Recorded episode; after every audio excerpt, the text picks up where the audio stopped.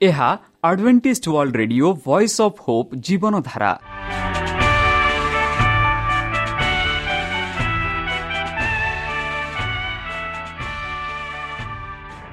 Odia radio କାର୍ଯ୍ୟକ୍ରମ ଯାହା ଆମର ଆନ୍ତର୍ଜାତୀୟ ଆଘାତ କେନ୍ଦ୍ରରୁ ପ୍ରସାରଣ କରାଯାଉଛି ପ୍ରତିଦିନ ରାତି ନଅଟା ତିରିଶ ମିନିଟ୍ରେ। ମୁଁ ସୁବ୍ରତ କୁମାର ପତି ପ୍ରେମର ସହ ଆପଣମାନଙ୍କୁ ଏହି କାର୍ଯ୍ୟକ୍ରମକୁ ସ୍ୱାଗତ କରୁଅଛି। ଚାଲନ୍ତୁ ଆଜିର ତିରିଶ ମିନିଟ୍ର କାର୍ଯ୍ୟକ୍ରମ ବିଷୟରେ ଜାଣିନେବା। ପ୍ରଥମେ ରଖିଛୁ ଆଧ୍ୟାତ୍ମିକ ଭକ୍ତିମୟ ଗୀତ। ଏହାପରେ ଶୁଣିବା ସ୍ୱାସ୍ଥ୍ୟ ବିଷୟରେ ଯାହା ଆମର ଦୈନିକ ଜୀବନରେ ଅତ୍ୟନ୍ତ ଜରୁରୀ। ଆଉ ପରିଶେଷରେ ଶୁଣିବା ପରମେଶ୍ୱରଙ୍କ ଭକ୍ତଙ୍କଠାରୁ ଜୀବନଦାୟକ ଈଶ୍ୱରଙ୍କ ବାକ୍ୟ। ପ୍ରିୟ ଶ୍ରୋତା ତାହେଲେ ଚାଲନ୍ତୁ ଶୁଣିବା ଏକ ଆଧ୍ୟାତ୍ମିକ ଭକ୍ତିମୟ ଗୀତ।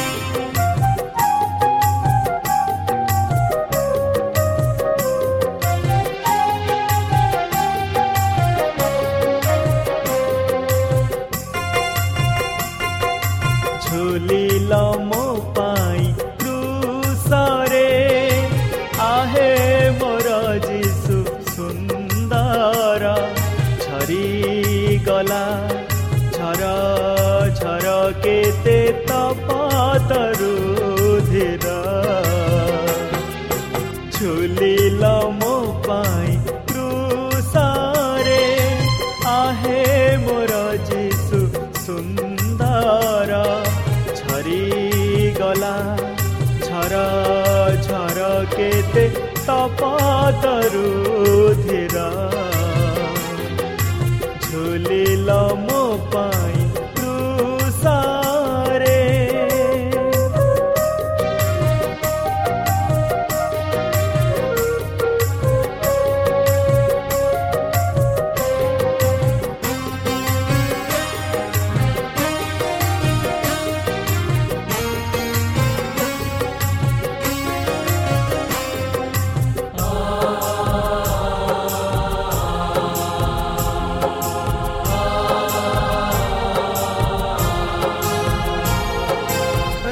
बातें रंजीता सारी।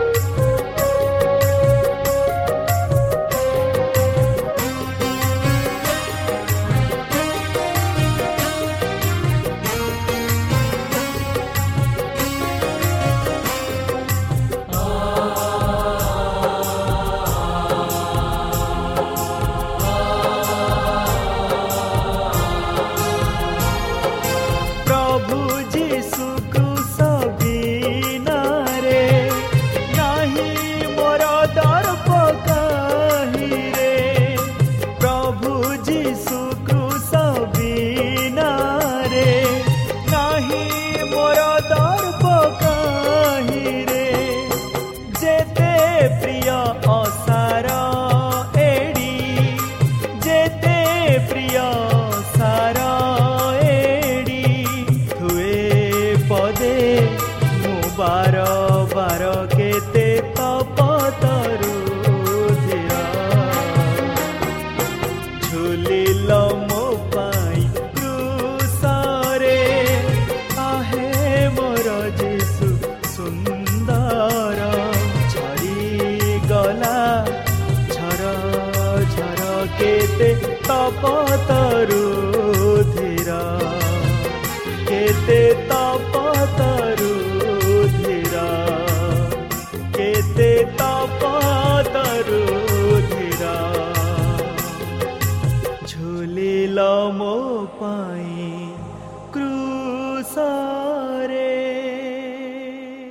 শ্রোতা আমি আশা করুଛୁ ଯେ ଆମର କାର୍ଯ୍ୟକ୍ରମ ଆପଣମାନଙ୍କୁ ପସନ୍ଦ ଲାଗୁଥିବ ଆପଣଙ୍କର ମତାମତ ଜଣାଇବା ପାଇଁ ଆମର ଏହି ଠିକଣାରେ ଯୋଗାଯୋଗ କରନ୍ତୁ ଆମ ଠିକଣା advantage media centre SDA mission compound Salisbury park Pune ଚାରି ଏକ ଏକ ଶୂନ ତିନି ସାତ ମହାରାଷ୍ଟ୍ର ବା ଖୋଲନ୍ତୁ ଆମର ୱେବସାଇଟ୍ ଯେକୌଣସି Android phone smartphone desktop laptop କିମ୍ବା ଟ୍ୟାବ୍ଲେଟ୍ ଆମର website dot A W R dot O R G slash O R I ଏବଂ W W W dot Adventist media centre India dot O R G ବର୍ତ୍ତମାନ ଚାଲନ୍ତୁ ଶୁଣିବା ଈଶ୍ୱରଙ୍କ ଭକ୍ତଙ୍କଠାରୁ ଈଶ୍ୱରଙ୍କ ଜୀବନଦାୟକ ବାକ୍ୟ। ନମସ୍କାର ପ୍ରିୟ ଶ୍ରୋତା।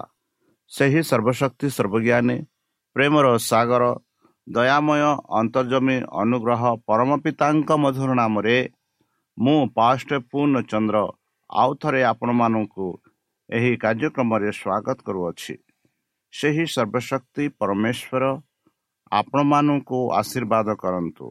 ଆପଣଙ୍କୁ ସମସ୍ତ ପ୍ରକାର ଦୁଃଖ କଷ୍ଟ ବାଧା କ୍ଲେଶ ଓ ରୋଗରୁ ଦୂରେଇ ରଖନ୍ତୁ। ଶତ୍ରୁ ସୟତାନ ହସ୍ତରୁ ସେ ଆପଣଙ୍କୁ ସୁରକ୍ଷାରେ ରଖନ୍ତୁ।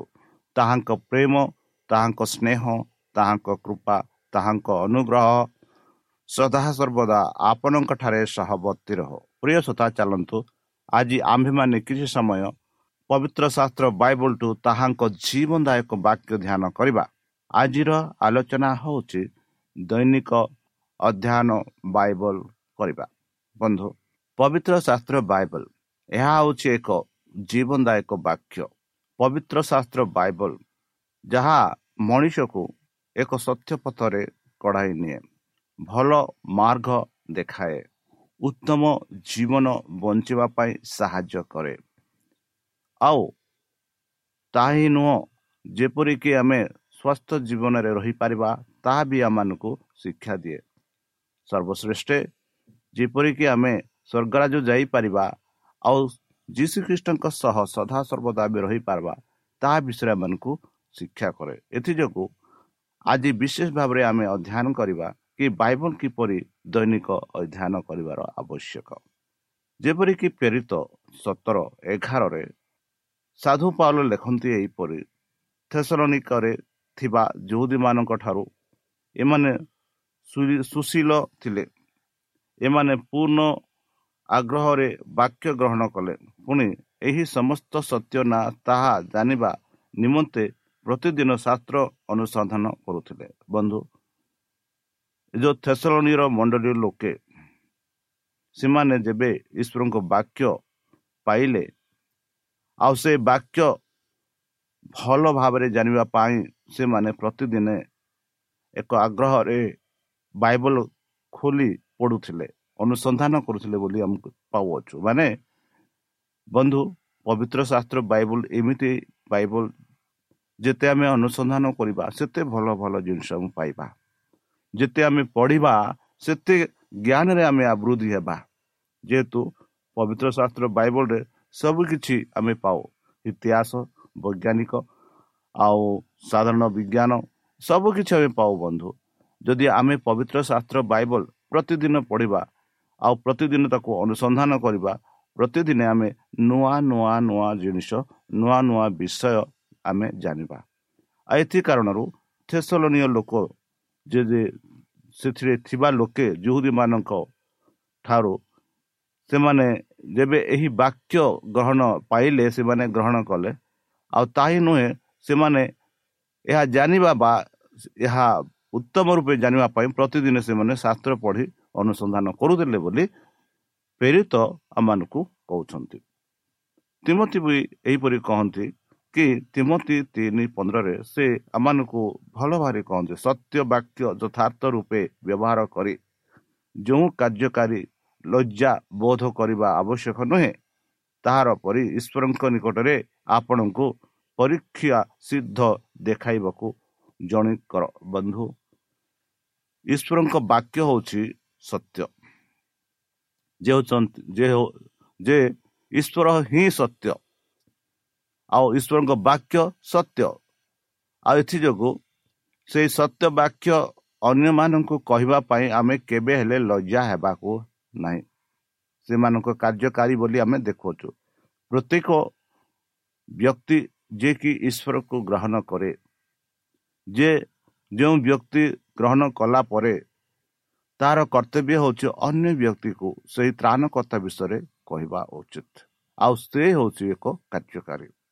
ଆଉ ସେହି କାର୍ଯ୍ୟକାରୀ ଯେବେ ସେ ଈଶ୍ୱରଙ୍କ ବିଷୟରେ ଜାଣିଲେ ସେହି ପରିତ୍ରାଣ ବିଷୟରେ ଜାଣିଲେ ସେହି ଜୀବନ ବିଷୟରେ ଜାଣିଲେ ସେତେବେଳେ ତାହାର କର୍ତ୍ତବ୍ୟ ହେଉଛି କି ସେହି ବାକ୍ୟ ଅନ୍ୟକୁ କହିବା। ଏଥିଯୋଗୁଁ ଆମେ ପାଉଅଛୁ କି ସତ୍ୟ ବାକ୍ୟ ଯଥାର୍ଥ ରୂପେ ବ୍ୟବହାର କରି ଯେଉଁ କାର୍ଯ୍ୟକାରୀ ଲଜ୍ଜାବୋଧ କରିବା ଆବଶ୍ୟକ ନୁହେଁ। ମାନେ ଯେବେ ସତ୍ୟ ଆମେ ଜାଣୁଅଛୁ ଆଉ ଏହି ସତ୍ୟ ବାକ୍ୟ ଆମେ ଅନ୍ୟକୁ କହିବା ପାଇଁ କେବେ ହେଲେ ଲଜ୍ଜା ହେବାକୁ ନାହିଁ। ଯଦି ତାପରି କରିବା ତାହେଲେ ଈଶ୍ୱରଙ୍କ ଠାରେ ଆମେ ବିରୁଦ୍ଧ କରୁଅଛୁ। ଈଶ୍ୱରଙ୍କ ବାକ୍ୟ ଆମେ ଜାଣିନୁ।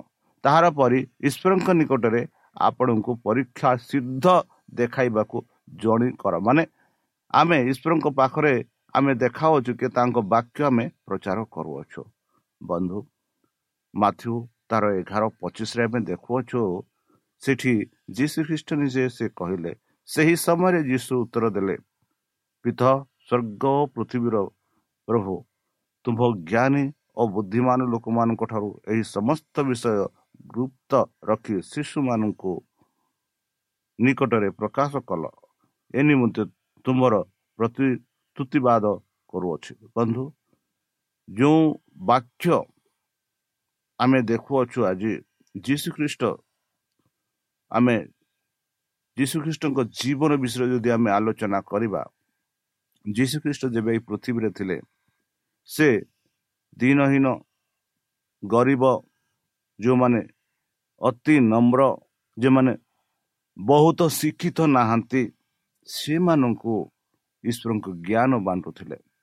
ସେମାନଙ୍କୁ ଈଶ୍ୱରଙ୍କ ବିଷୟ କହୁଥିଲେ। ସେମାନେ ଈଶ୍ୱରଙ୍କ ଠାରେ ବିଶ୍ୱାସ କରୁଥିଲେ।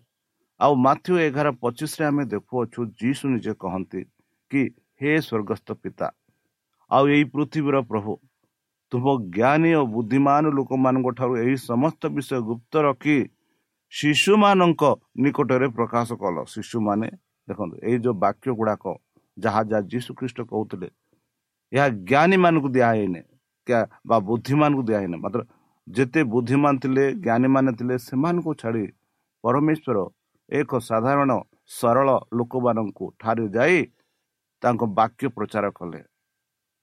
ଯେପରି ସେମାନେ ଏହି ବାକ୍ୟ ଗୁଡ଼ାକ ସେମାନଙ୍କ ଛାମୁରେ ଏକ ଗୁପ୍ତ ରହସ୍ୟ ଥିଲା ଆଉ ସେ ଗୁପ୍ତ ରହସ୍ୟକୁ ପରମେଶ୍ୱର ତାଙ୍କ ପୁତ୍ରଙ୍କ ଦ୍ୱାରା ପ୍ରକାଶ କରିଥିଲେ। ବନ୍ଧୁ ଏଥିଯୋଗୁଁ ଯୀଶୁ କହୁଛନ୍ତି କି ଏଥି ନିମନ୍ତେ ତୁମର ତୁତିବାଦ କରୁଅଛି ବୋଲି ପରମେଶ ଯୀଶୁ ଖ୍ରୀଷ୍ଟ ପରମେଶ ପରମ ପିତାଙ୍କ ଠାରେ ପ୍ରାର୍ଥନା କରୁଛନ୍ତି।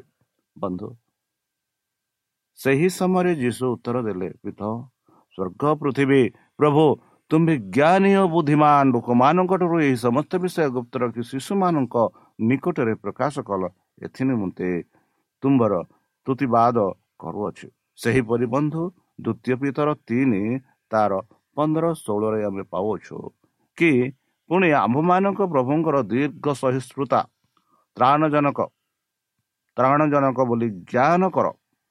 ଆମମାନଙ୍କ ପ୍ରିୟ ଭ୍ରାତା ପାଉଳ ମଧ୍ୟ ଆପଣ ତା ଦତ୍ତ ଜ୍ଞାନ ଅନୁସାରେ ତୁମାନଙ୍କ ନିକଟକୁ ଯେପରି ସେପରି ଲେଖିଅଛନ୍ତି ସେ ଆପଣାର ସମସ୍ତ ପତ୍ରରେ ମଧ୍ୟ ଏହିସବୁ ବିଷୟ ଉଲ୍ଲେଖ କରି ସେହି ପ୍ରକାରେ କହନ୍ତି। ସେହି ସବୁରେ ଏପରି କେତେକ ବିଷୟ ଅଛି ଯାହାକି ବୁଝିବାକୁ ଜଟିଳ।